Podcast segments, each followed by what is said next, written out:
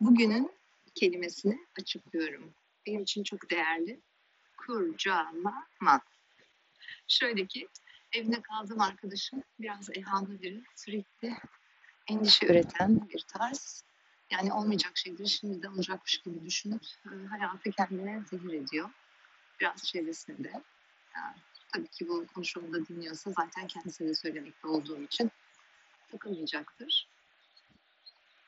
Buzdolabı tamircisi geldi. Buzdolabının bozulmuş olduğuna endişe ediyor birkaç gün. Adam ısrarla diyor ki hiçbir şey yok buzdolabınızın. Bu, bu türler böyle ses çıkartır.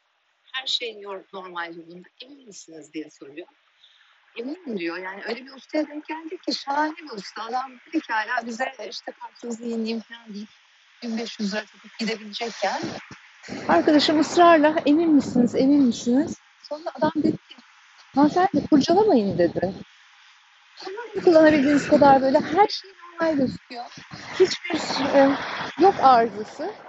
Dolayısıyla bence kurcalamayın. Böyle bırakın ama çok istiyorsanız ben anakartınız için 1500 liralık masraf size çıkartıp her şeye baştan başlayabilirim. Hatta tavsiyem buzdolabınızı değiştirin olur o noktaya geldiğimizde dedi.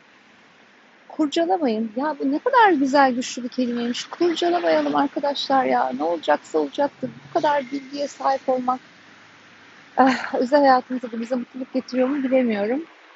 Benim için bu kelime bugün çok önemli oldu. Harika bir gün olsun.